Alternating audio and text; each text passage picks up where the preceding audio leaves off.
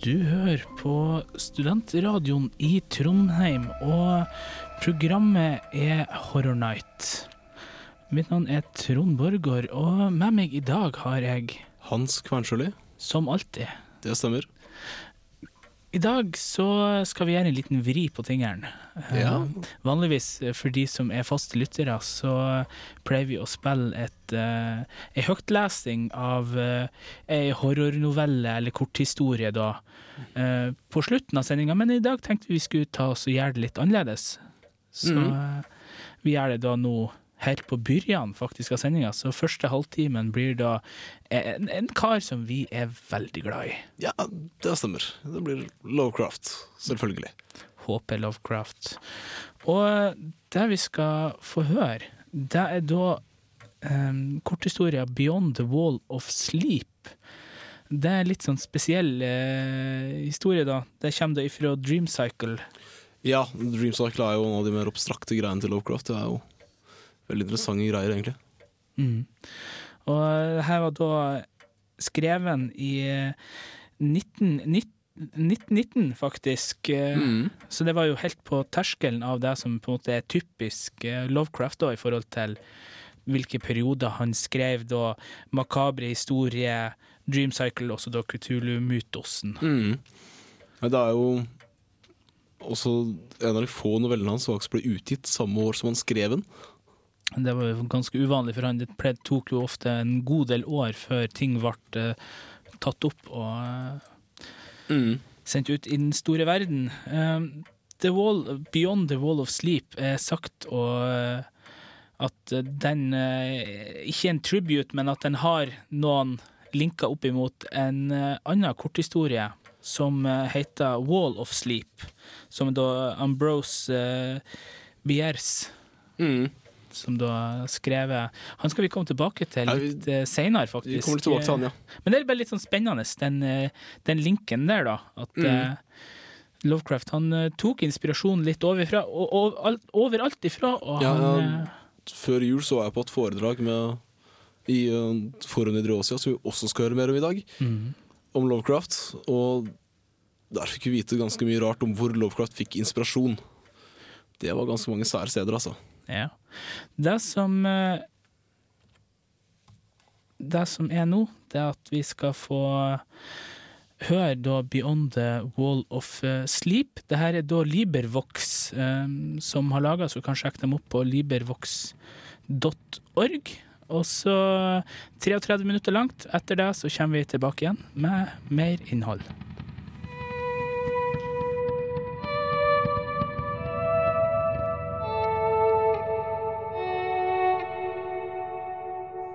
Beyond the Wall of Sleep by H.P. Lovecraft. I have often wondered if the majority of mankind ever pause to reflect upon the occasionally titanic significance of dreams and of the obscure world to which they belong.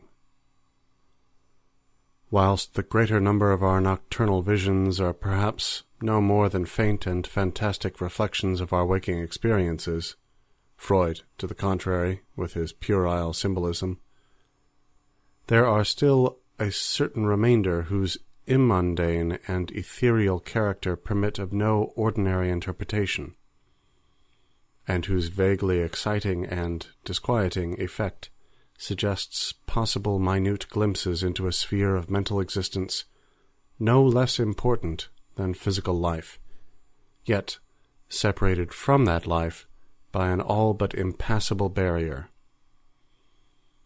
From my experience, I cannot doubt but that man, when lost to terrestrial consciousness, is indeed sojourning in another and uncorporeal life of far different nature from the life we know, and of which only the slightest and most indistinct memories linger after waking.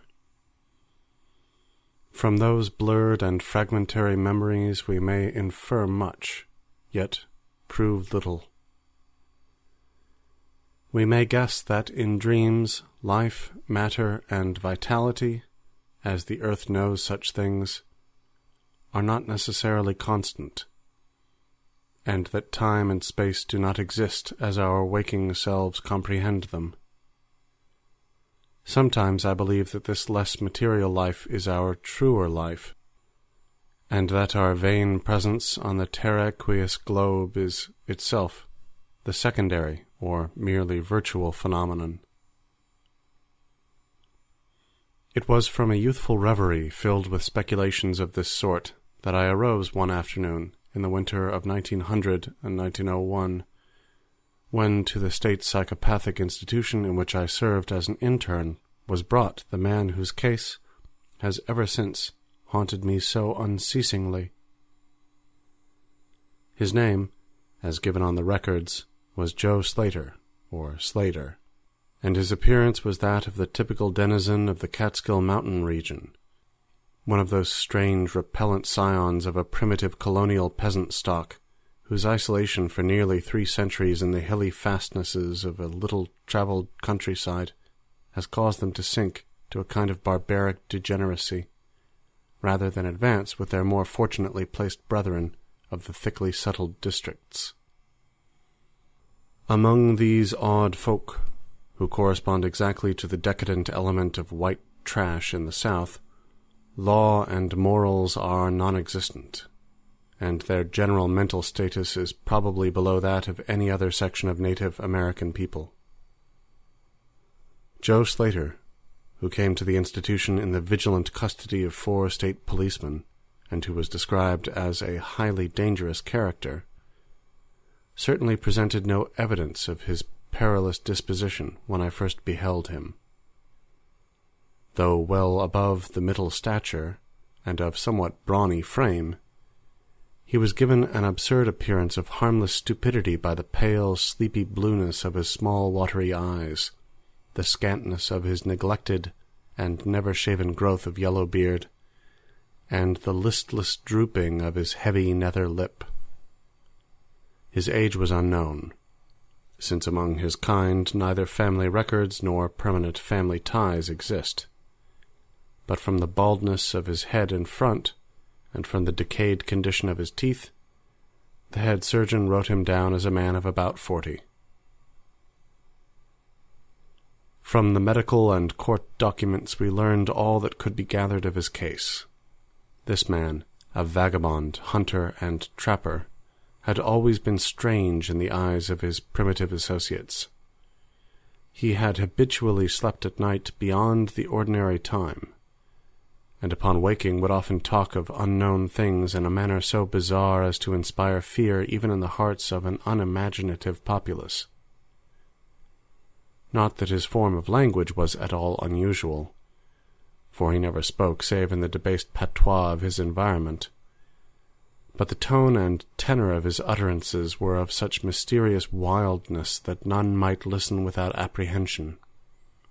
He himself was generally as terrified and baffled as his auditors, and within an hour after awakening would forget all that he had said, or at least all that had caused him to say what he did relapsing into a bovine, half-amiable normality like that of the other hill dwellers.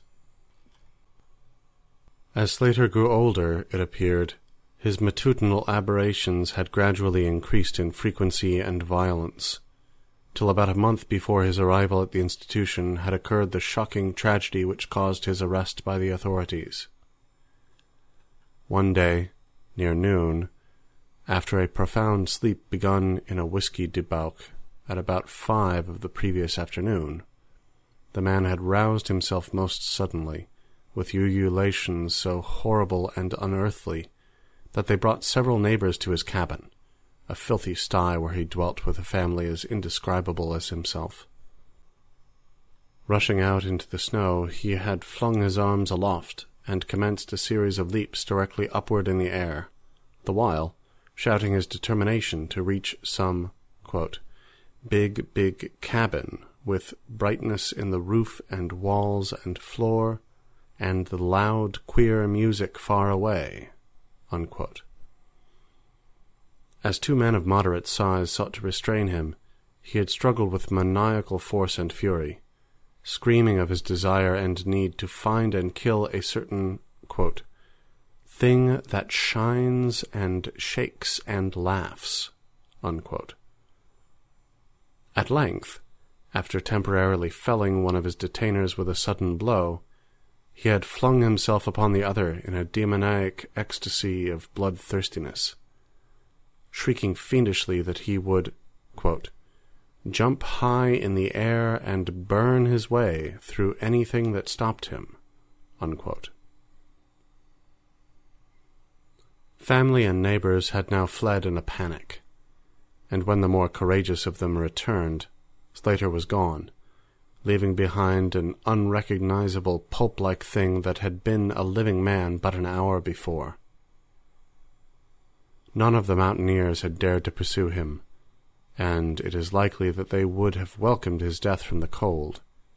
But when several mornings later they heard his screams from a distant ravine, they realized that he had somehow managed to survive, and that his removal in one way or another would be necessary. Then had followed an armed searching party, whose purpose, whatever it may have been originally, became that of a sheriff's posse after one of the seldom popular state troopers had by accident observed, then questioned, and finally joined the seekers. On the third day, Slater was found unconscious in the hollow of a tree and taken to the nearest jail where alienists from Albany examined him as soon as his senses returned. To them he told a simple story. He had, he said, gone to sleep one afternoon about sundown after drinking much liquor. He had awakened to find himself standing bloody-handed in the snow before his cabin, the mangled corpse of his neighbor, Peter Slater, at his feet. Horrified, he had taken to the woods in a vague effort to escape from the scene of what must have been his crime. Beyond these things he seemed to know nothing, nor could the expert questioning of his interrogators bring out a single additional fact. That night, Slater slept quietly, and the next morning he awakened with no singular feature save a certain alteration of expression. Dr. Barnard, who had been watching the patient, thought he noticed in the pale blue eyes a certain gleam of peculiar quality, and in the flaccid lips an all but imperceptible tightening, as if of intelligent determination. But when questioned, Slater relapsed into the habitual vacancy of the mountaineer, and only reiterated what he had said on the preceding day. On the third morning occurred the first of the man's mental attacks. After some show of uneasiness in sleep, he burst forth into a frenzy so powerful that the combined efforts of four men were needed to bind him in a straitjacket. The alienists listened with keen attention to his words, since their curiosity had been aroused to a high pitch by the suggestive, yet mostly conflicting and incoherent stories of his family and neighbors.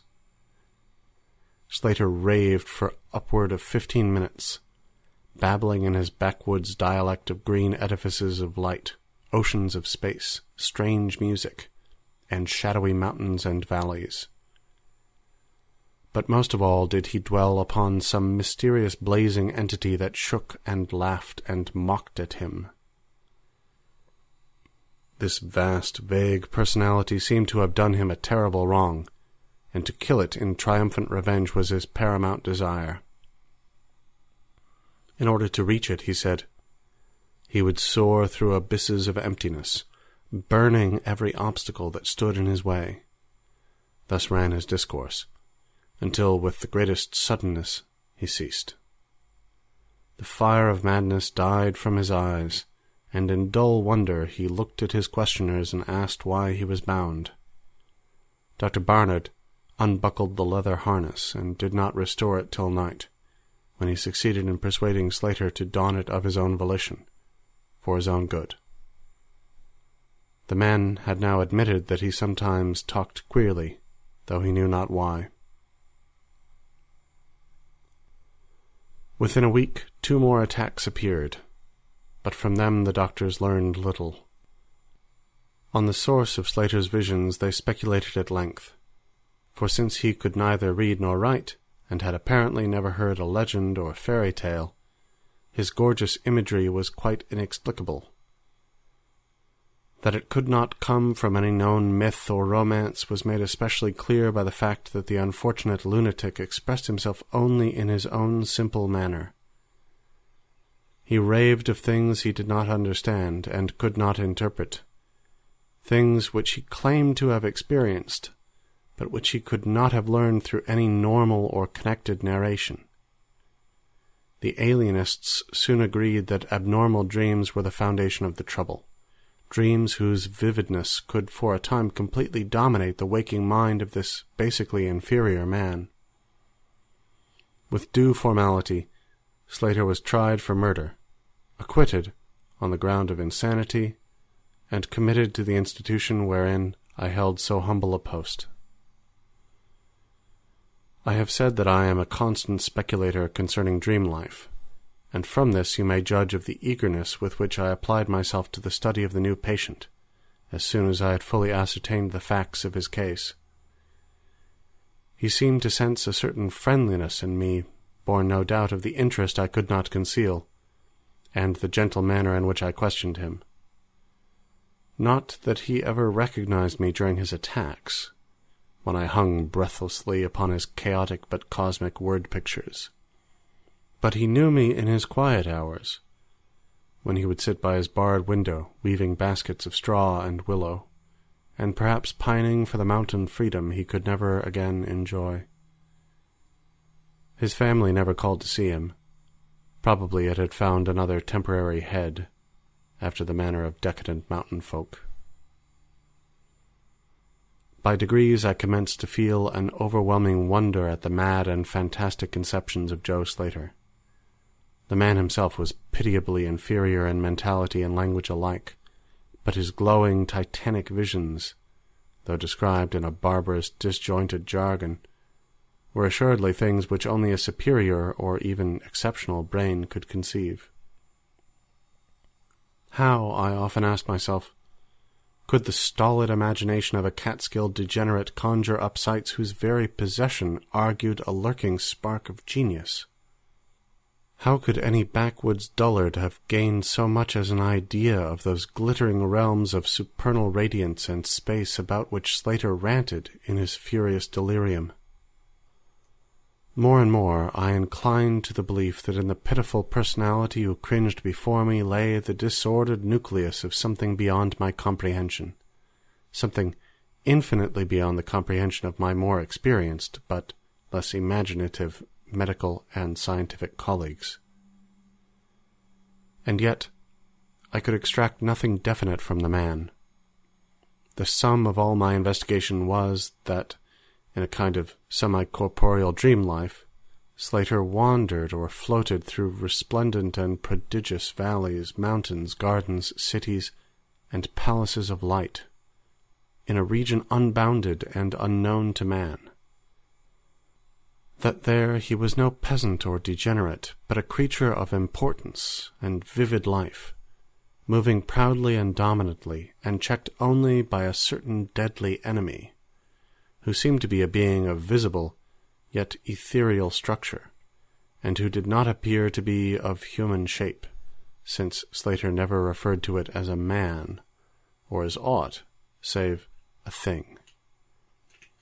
This thing had done Slater some hideous but unnamed wrong, which the maniac, if maniac he were, yearned to avenge. From the manner in which Slater alluded to their dealings, I judged that he and the luminous thing had met on equal terms, that in his dream existence the man was himself a luminous thing of the same race as his enemy, this impression was sustained by his frequent references to flying through space and burning all that impeded his progress. Yet these conceptions were formulated in rustic words wholly inadequate to convey them, a circumstance which drove me to the conclusion that, if a dream world indeed existed, oral language was not its medium for the transmission of thought. Could it be that the dream soul inhabiting this inferior body was desperately struggling to speak things which the simple and halting tongue of dullness could not utter? Could it be that I was face to face with intellectual emanations which would explain the mystery, if I could but learn to discover and read them? I did not tell the older physicians of these things, for middle age is skeptical, cynical, and disinclined to accept new ideas. Besides, the head of the institution had but lately warned me in his paternal way that I was overworking, that my mind needed a rest. It had long been my belief that human thought consists basically of atomic or molecular motion, convertible into ether waves or radiant energy, like heat, light, and electricity. This belief had early led me to contemplate the possibility of telepathy, or mental communication by means of suitable apparatus. And I had in my college days prepared a set of transmitting and receiving instruments somewhat similar to the cumbrous devices employed in wireless telegraphy at that crude pre-radio period. These I had tested with a fellow student, but, achieving no result, had soon packed them away with other scientific odds and ends for possible future use. Now, in my intense desire to probe into the dream life of Joe Slater, I sought these instruments again, and spent several days in repairing them for action. When they were complete once more, I missed no opportunity for their trial. At each outbreak of Slater's violence, I would fit the transmitter to his forehead and the receiver to my own, constantly making delicate adjustments for various hypothetical wavelengths of intellectual energy. I had but little notion of how the thought impressions would, if successfully conveyed, arouse an intelligent response in my brain, but I felt certain that I could detect and interpret them. Accordingly, I continued my experiments, though informing no one of their nature. It was on the 21st of February, 1901, that the thing occurred. As I look back across the years, I realize how unreal it seems, and sometimes wonder if old Dr. Fenton was not right when he charged it all to my excited imagination. I recall that he listened with great kindness and patience when I told him, but afterward gave me a nerve powder and arranged for the half year's vacation on which I departed the next week. That fateful night I was wildly agitated and perturbed, for despite the excellent care he had received, Joe Slater was unmistakably dying. Perhaps it was his mountain freedom that he missed, or perhaps the turmoil in his brain had grown too acute for his rather sluggish physique. But, at all events, the flame of vitality flickered low in the decadent body. He was drowsy near the end, and as darkness fell he dropped off into a troubled sleep. I did not strap on the straitjacket as was customary when he slept, since I saw that he was too feeble to be dangerous, even if he woke in mental disorder once more before passing away. But I did place upon his head and mine the two ends of my cosmic radio, hoping against hope for a first and last message from the dream world in the brief time remaining. In the cell with us was one nurse, a mediocre fellow who did not understand the purpose of the apparatus, or think to inquire into my course.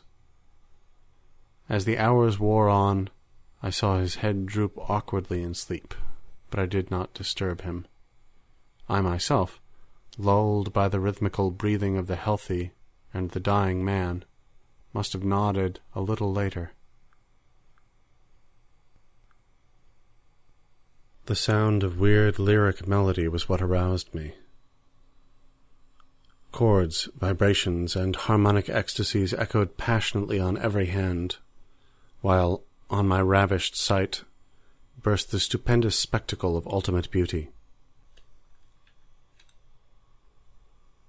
Walls, columns, and architraves of living fire blazed effulgently around the spot where I seemed to float in air extending upward to an infinitely high vaulted dome of indescribable splendor. blending with this display of palatial magnificence, or rather, supplanting it at times in kaleidoscopic rotation, were glimpses of wide plains and graceful valleys, high mountains, and inviting grottos, covered with every lovely attribute of scenery which my delighted eyes could conceive of, yet formed wholly of some glowing ethereal plastic entity, which in consistency partook as much of spirit as of matter. As I gazed, I perceived that my own brain held the key to these enchanting metamorphoses, for each vista which appeared to me was the one my changing mind most wished to behold. Amidst this Elysian realm I dwelt not as a stranger, for each sight and sound was familiar to me, just as it had been for uncounted eons of eternity before, and would be for like eternities to come. Then the resplendent aura of my brother of light drew near and held colloquy with me, soul to soul, with silent and perfect interchange of thought. The hour was one of approaching triumph, for was not my fellow being escaping at last from a degrading periodic bondage, escaping forever, and preparing to follow the accursed oppressor even unto the uttermost fields of ether? that upon it might be wrought a flaming cosmic vengeance which would shake the spheres. We floated thus for a little time, when I perceived a slight blurring and fading of the objects around us, as though some force were recalling me to earth, where I least wished to go. The form near me seemed to feel a change also, for it gradually brought its discourse toward a conclusion and itself prepared to quit the scene, fading from my sight at a rate somewhat less rapid than that of the other objects. A few more thoughts were exchanged, and I knew that the luminous one and I were being recalled to bondage, though for my brother of light it would be the last time. The sorry planet shell being well nigh spent, in less than an hour my fellow would be free to pursue the oppressor along the Milky Way, and past the hither stars to the very confines of infinity. A well-defined shock separates my final impression of the fading scene of light from my sudden and somewhat shamefaced awakening and straightening up in my chair as I saw the dying figure on the couch move hesitantly. Joe Slater was indeed awakening, though probably for the last time. As I looked more closely, I saw that in the sallow cheeks shone spots of color which had never before been present. The lips, too, seemed unusual, being tightly compressed, as if by the force of a stronger character than had been Slater's. The whole face finally began to grow tense, and the head turned restlessly with closed eyes. I did not rouse the sleeping nurse, but readjusted the slightly disarranged headband of my telepathic radio, intent to catch any parting message the dreamer might have to deliver. All at once, the head turned sharply in my direction, and the eyes fell open, causing me to stare in blank amazement at what I beheld.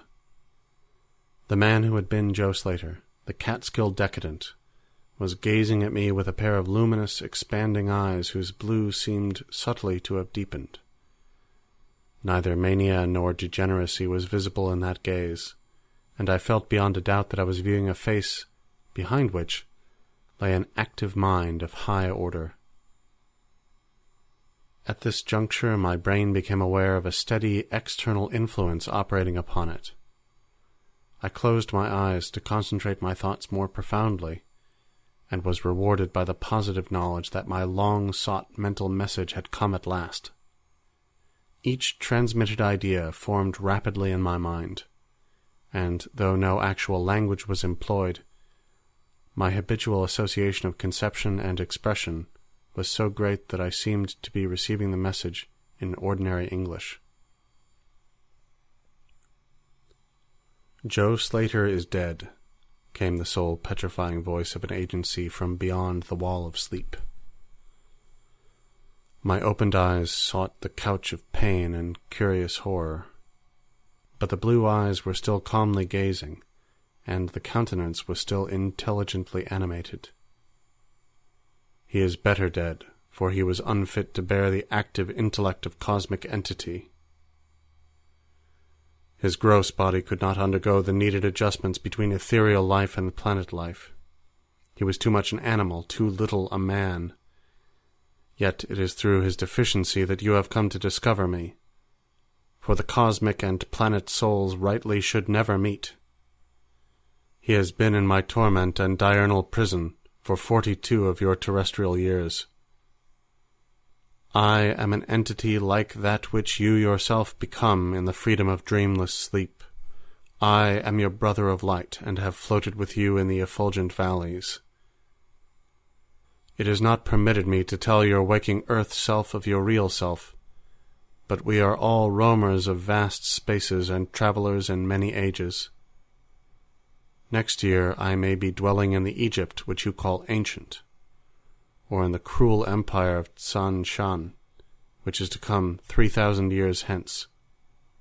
You and I have drifted to the worlds that reel about the red Arcturus, and dwelt in the bodies of the insect philosophers that crawl proudly over the fourth moon of Jupiter.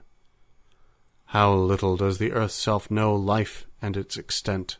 How little indeed ought it to know for its own tranquillity! Of the oppressor I cannot speak. You on earth have unwittingly felt its distant presence.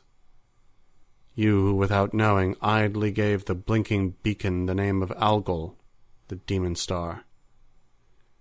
It is to meet and conquer the oppressor that I have vainly striven for eons, held back by bodily encumbrances.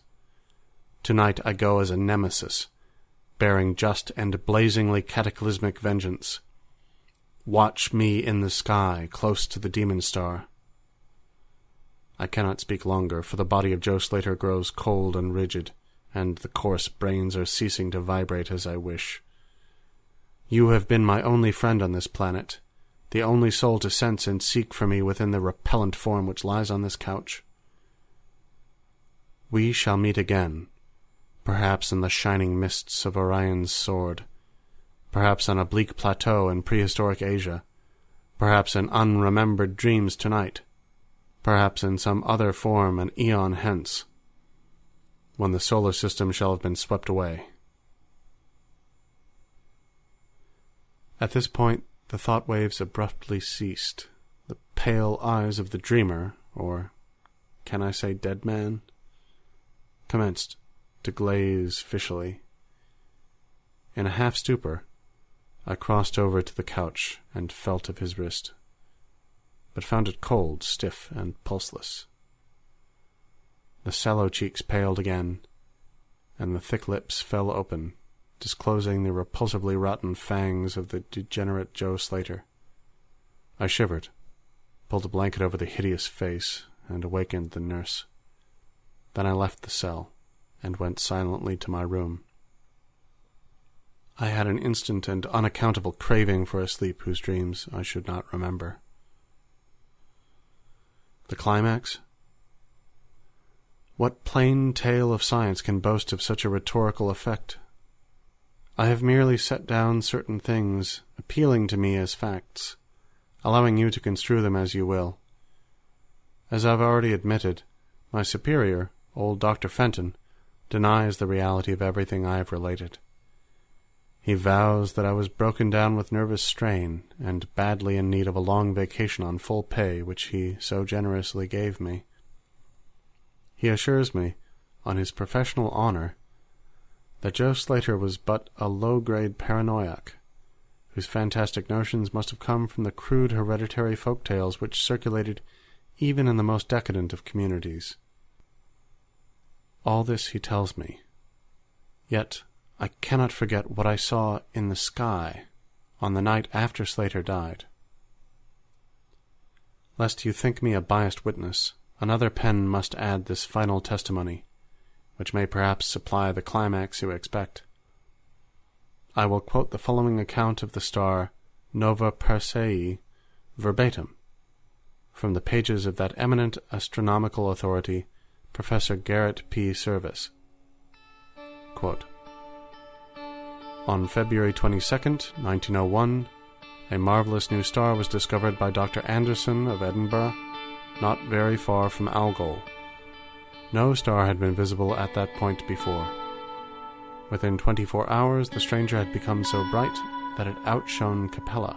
In a week or two, it had visibly faded, and in the course of a few months, it was hardly discernible with the naked eye. Unquote.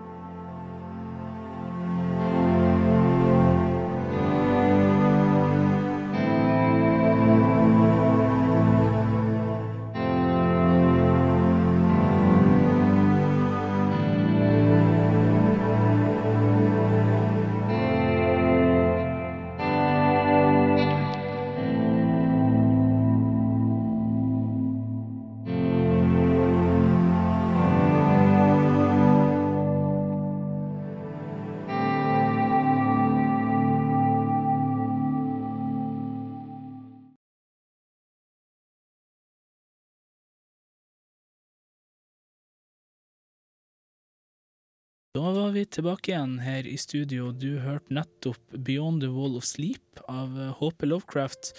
Og eh, akkurat nå like før så var det Adam Gordon som eh, underholdt oss. Mm. Eh, kan jo si det her, jeg sa det ikke i forrige, forrige gang vi var inne og prata, men sendinga her er utgitt under Creative Commons.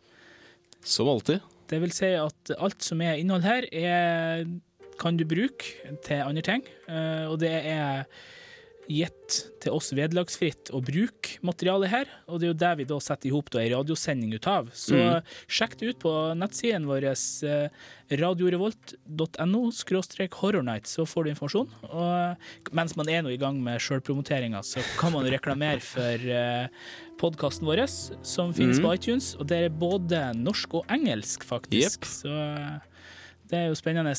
Hans, nå skal vi over på din del av sendinga. Min siste alder her, ja.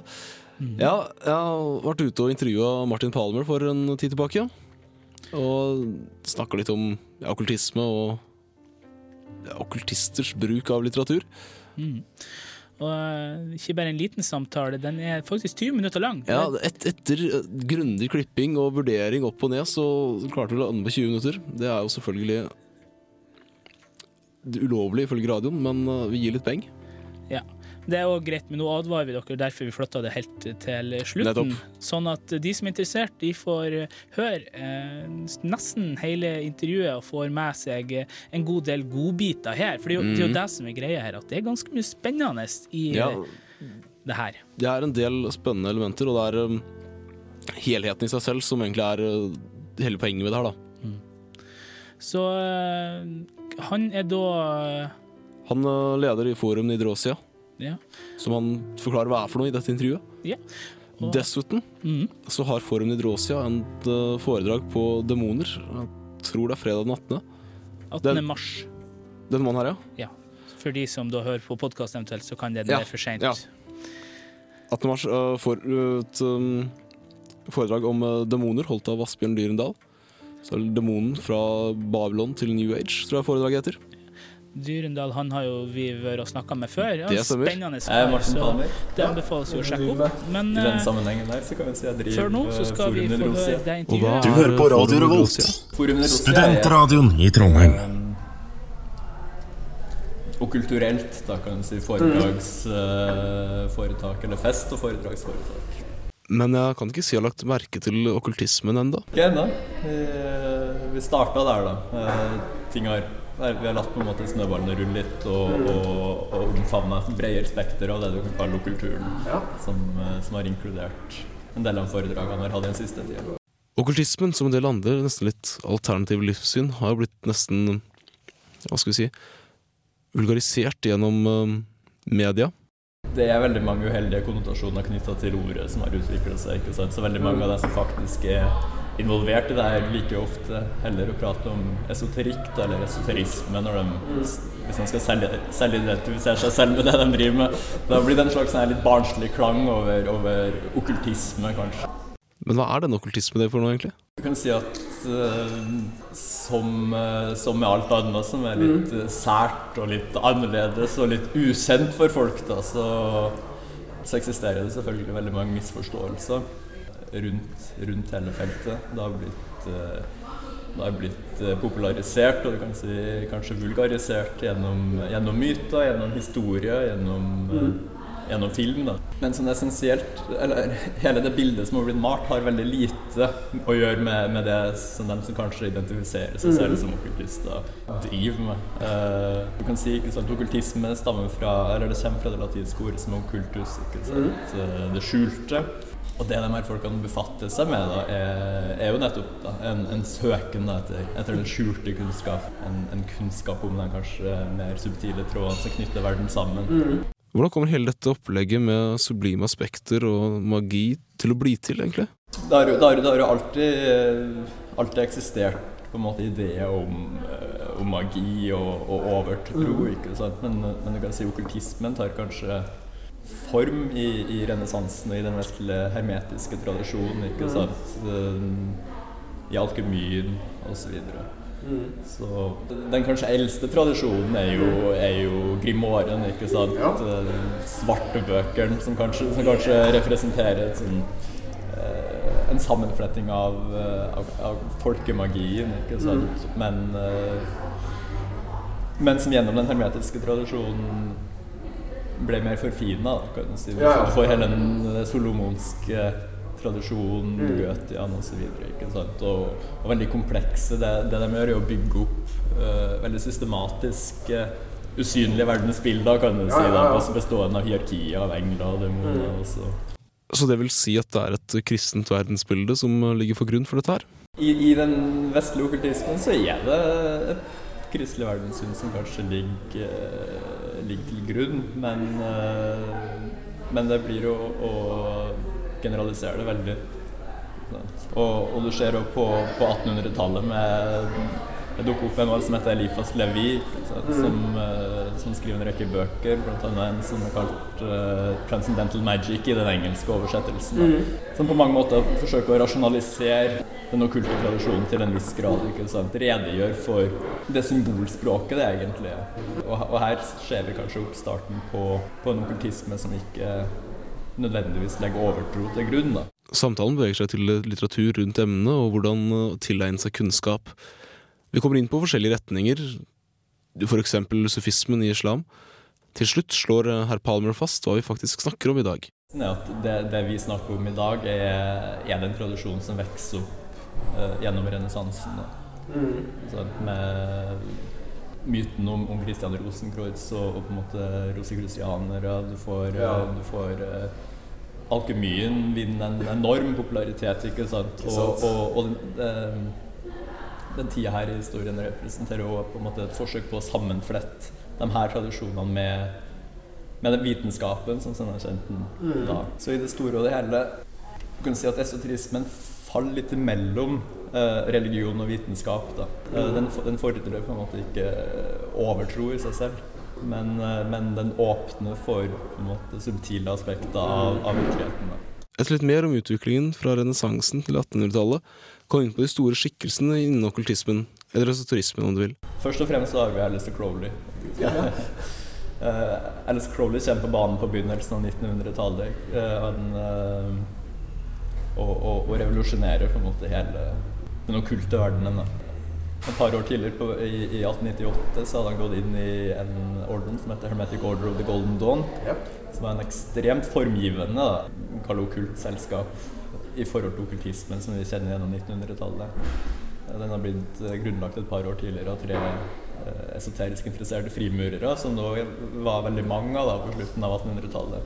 Og forsøker på en måte å systematisere en, eh, en form for eh, kultopplæringsskole, da, kan du si. Det, det er en initiatorisk orden. Så, så her har du på en måte den sammensmeltinga av, av praksis og, og kalle livssyn. Men Crowley han er bare 23 år når han går inn i den ordenen der. Og finner på en måte sin, sin nisje, da, kan du si. Han eh, eskalerer veldig raskt gjennom, gjennom gradene, men finner seg selv eh, til slutt eh, litt desillusjonert av det han finner da, når han endelig får adgang til, til den andre, eller den indre ordenen i Golden Dawn, og det her er på en måte det, eh, den sirkelen av mennesker han har søkt. og eh, han finner at de, de er jo bare vanlige folk. Crowley trekker seg ut av Golden Dawn eh, av, av forskjellige grunner og, og på en måte fraskriver seg den eh, innledende interessen han hadde i, i, i magi. da, mm. Og dedikerer seg selv i stedet til, eh, til disiplinen innenfor yoga og meditasjon. Og, lever et slags playboy-liv der han uh, reiser rundt, driver med fjellklatring, han skriver poesi, uh, spiller sjakk og, og gifter seg. da.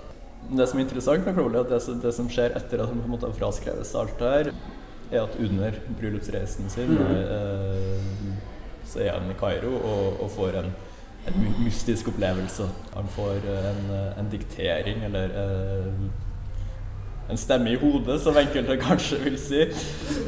Der å nedtegne det som eh, et lite skrift som blir kalt 'Liber Alve eller Lovens bok. Da. For å hoppe litt tilbake til det, det med okkultismen i seg selv, at han, han går tilbake til, til de tradisjonene. Han øh, setter opp på en måte sitt eget system, kan du si. Han gjør et poeng ut av at han vil på en måte distansere seg fra uh, all slags begrep som har fått uheldige som vi om, konnotasjoner. Da. Og trekker frem da, okkultisme eh, og teosofi uh, andre ting. Jeg sier at han velger stedet å ta det ordet som kanskje var mest latterliggjort av, av alle sammen, da, og kalle hele systemet sitt for magi. Eller magic. Etter Crowley, hva er det egentlig som beveger seg i okkultismen? For å hoppe litt tilbake på, på, på, på, på Crowley Han øh, overtar òg en, eh, en orden jeg nevnte så vidt det her med esoterisk interesserte frimurere på slutten av 1800-tallet. ikke sant? Og, og i den her eh, i det miljøet så ble det etablert en, en orden som het Ordo Templi Orientis, eller OTO, som eksisterer før Crowley kommer på banen, men han øh, overtar da den, øh, den ordenen. Og, og re reviderer hele innvielsessystemet der. Eh, men det er på en måte en orden som lumrer litt i, i, i undergrunnen, da, altså, også etter eh, Crowley sin, sin død i, i 1947. Grunnen til at jeg nevner Otto, er at vi har, øh, vi har en, øh, en ny kar som kommer på banen mm. et, på, på 50-tallet. En sånn som heter Gerald Gardner. Han var innvidd i Otto, og han forsøkte å overta den ordenen etter, etter at Crowley døde, uten å, uten å lykkes i det, men å etablere dermed stedet Vika. som det kanskje kan si at har blitt eh, pervertert ut av proporsjoner i forhold til det som var, var Gardner sitt opprinnelige eh, system. Etter en del prat om hvordan OTO utvikler seg, og problemene innenfor organisasjonen, beveger oss i retning av hvordan Crowley og hans verker har blitt eh, brukt utover eh, siste halvdel av det 20. århundre. Når det gjelder Crowley i seg selv, så er, så, så er det, veldig, det er ganske stilt rundt han på 50-tallet. sant? På 60-tallet og på en måte med oppstarten av hippie- hippiebevegelsen og sånne ting, så, så gjenoppdager folk uh, den bøkene. Uh, og, og enkelte strømninger innenfor hippiebevegelsen omfavner Crowley. Det er jo veldig kjent som et av fjesene på, på Beatles sin eh, Sgt. Pepper's Lonely Heart Club Band-cover. Vi snakker en del om hvordan eh, ymse Wicca, okkultisme og dermed også Crowley blir tatt opp av hippiebevegelsen og dermed blir til New Age. Men denne perioden er det en del eh, skal si, mørkere understrømninger. Jo, som jeg, som jeg sa, det, det eksisterer samtidig en slags understrømning. Én ting som skjer på 60-tallet, eh, to år før The Summer of Love, er jo, i, i- i San Francisco er jo grunnleggelsen av, av The Church of Satan. sant? Eh, med, av, eh, av en mann som heter Anton LaVey. Det LaVey skriver om, har veldig lite eller ingenting med, med okkultisme å gjøre. 70-tallet derimot eh, representerer i mye større grad den virkelige oppblomstringa av, av det som er okkultismen som vi snakker om i dag. I 1972 så skriver en forfatter som heter Kenneth Grant en bok som heter The Magical Revival. Der han introduserer Han, har lagd et slags Han har vevd sammen et, eh, en verden bestående av uh, Alistair Crowley, uh, Åsin Osman Spear, Lovecraft og um, visker på en måte ut litt sånn her uh, grensa mellom uh, historisk virkelighet og fiksjon. Grant på sin side var sannsynligvis uh, veldig inspirert av en annen bok som jeg har glemt å nevne, som he- heter 'Morning of the Magicians'. Opprinnelig fransk bok, så den ble utgitt i 1960. Den ligger kanskje som, eh, som en av grunnsteinene da, i, i den okkulte oppblomstringa i, i hippiebevegelsen. Um, og her introduseres en del, eh, en del ideer som kanskje hadde blitt litt, litt glemt, og forfattere som Arthur Macken f.eks., Ja. som, som også utøvde enorm innflytelse først på, på Lovecraft selv, og, og ikke minst på, på Kenneth Grant, som navngir han som en inspirasjonskilde.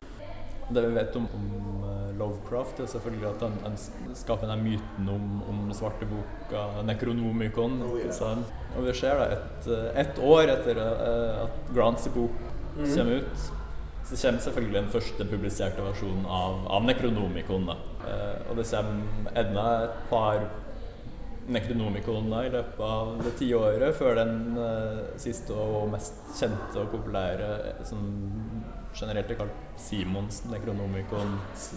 Ja, den, den er skrevet av, av Simon, da, angivelig. Han kalles for det.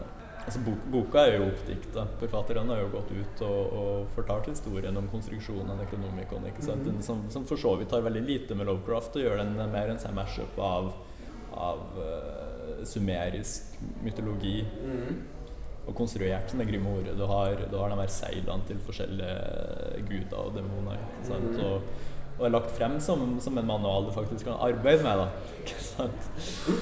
Ja. det som er eh, interessant, er jo at Noen tok dette seriøst. ja, eller om de tok det seriøst eller ikke. De tar det til seg, i hvert fall. Sant? For det, det du også ser på, på, på 70-tallet, er, oppveksten av, uh, av en ny retning. Kan- det er litt tidlig å begynne å snakke om postmodernismen allerede da, men det er altså det det, det er. Eh, de kaller det kaosmagi. Som, som legger til gru- grunn at all slags ideer om virkeligheten blir konstruert av deg selv. Så om du, om du bruker et arkaisk hierarki av engler og demoner til å på en måte bygge det verdensbildet, eller om du bruker Necronomicon, eller om du bruker Harry Potter. Harry Potter, eller Power Rangers Hvis du søker på, på internett, det fins faktisk magiske systemer som benyttes av Power Rangers-verdenen.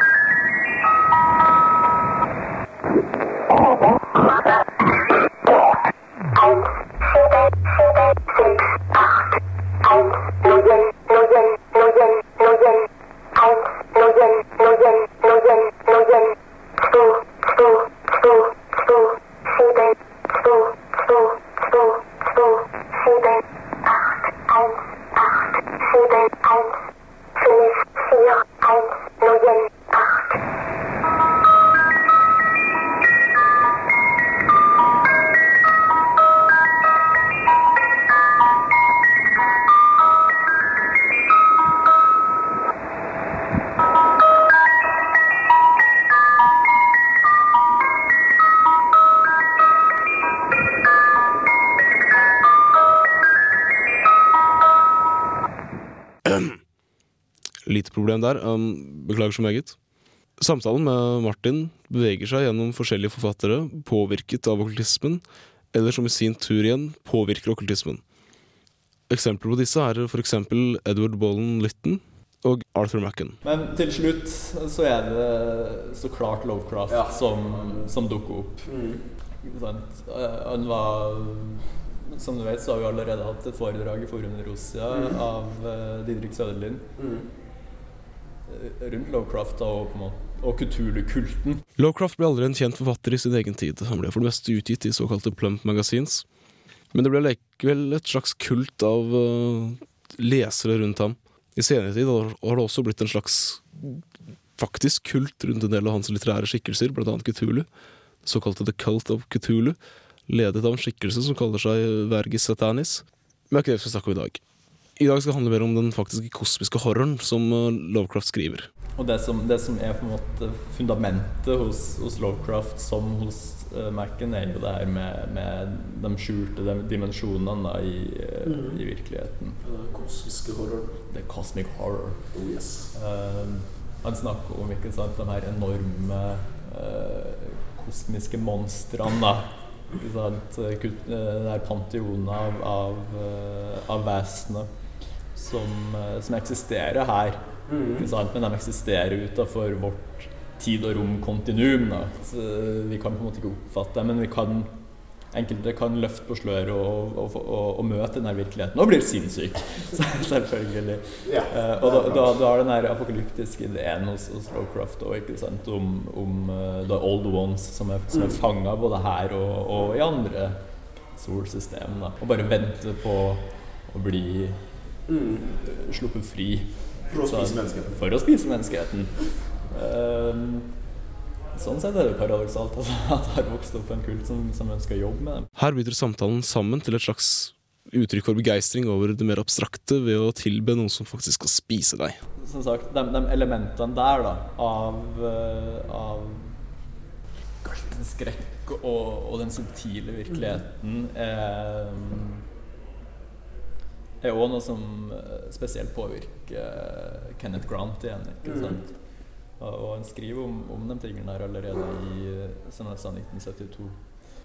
Grant på sin side, den ideen han lanserer her, uh, uten at jeg skal gå god for den, er at selvfølgelig Crowley og Lovecraft eh, har jo kanalisert på en måte de samme energiene. ikke sant? For Lovecraft sier jo at eh, Al-Azif, eller, eller Necronomicon-ideen om alt det her, kom til en drøm. ikke sant? Og drømmer som ofte inspirerte eh, Lovecraft sin, sin litteratur. og, og Ergo, sier Grant, er det, er det, er det på en måte noe, noe annet som på en måte kommuniserer gjennom Lovecraft. Lovecraft, som du vet, var, var både ateist og, og beinhard materialist. Han hadde, han hadde ingen interesse i det overnaturlige. Så um, Grant, Grant da, for, forklarer jo selvfølgelig det her med at det at ingen har funnet en kopi av Necronomicon, er at Necronomicon eksisterer, Ja, men den eksisterer på astralplanet. da og, og, og du kan få tilgang til denne boka gjennom spesifikke former for okkulte ritualer eller eh, rituell magi. En annen forfatter som heter Michael Bertiø, som vi skal prate om i Forum Rosia i løpet av året her, eh, adopterer òg en del av, av Lovecraft sine ideer. Ikke sant? Um, men du kan si for å for å unnskylde de to forfatterne. De er jo ofte latterliggjort, selv om uh, av Altså i, i, i- i det kanskje mer tørrskodde okkulte miljøet, da. Ja. Så men, uh, men i likhet med Kanskje i likhet med, med, med den kaosmagiske strømninga, så er essensen hos Grant og essensen hos Michael Bertieu er å viske ut litt av skillene mellom, mellom drømmen og virkeligheten. Ikke sant? Skap, skap et rom der du kan oppnå reelle opplevelser. Altså, selv om mye av det er fantasi, så kan det være eh, både fangende og, og, og forandrende opplevelser. Og her går samtalen over til noe helt annet, og vi anser intervjuet med Martin Palmer fra Forum Nidrosia til å være over.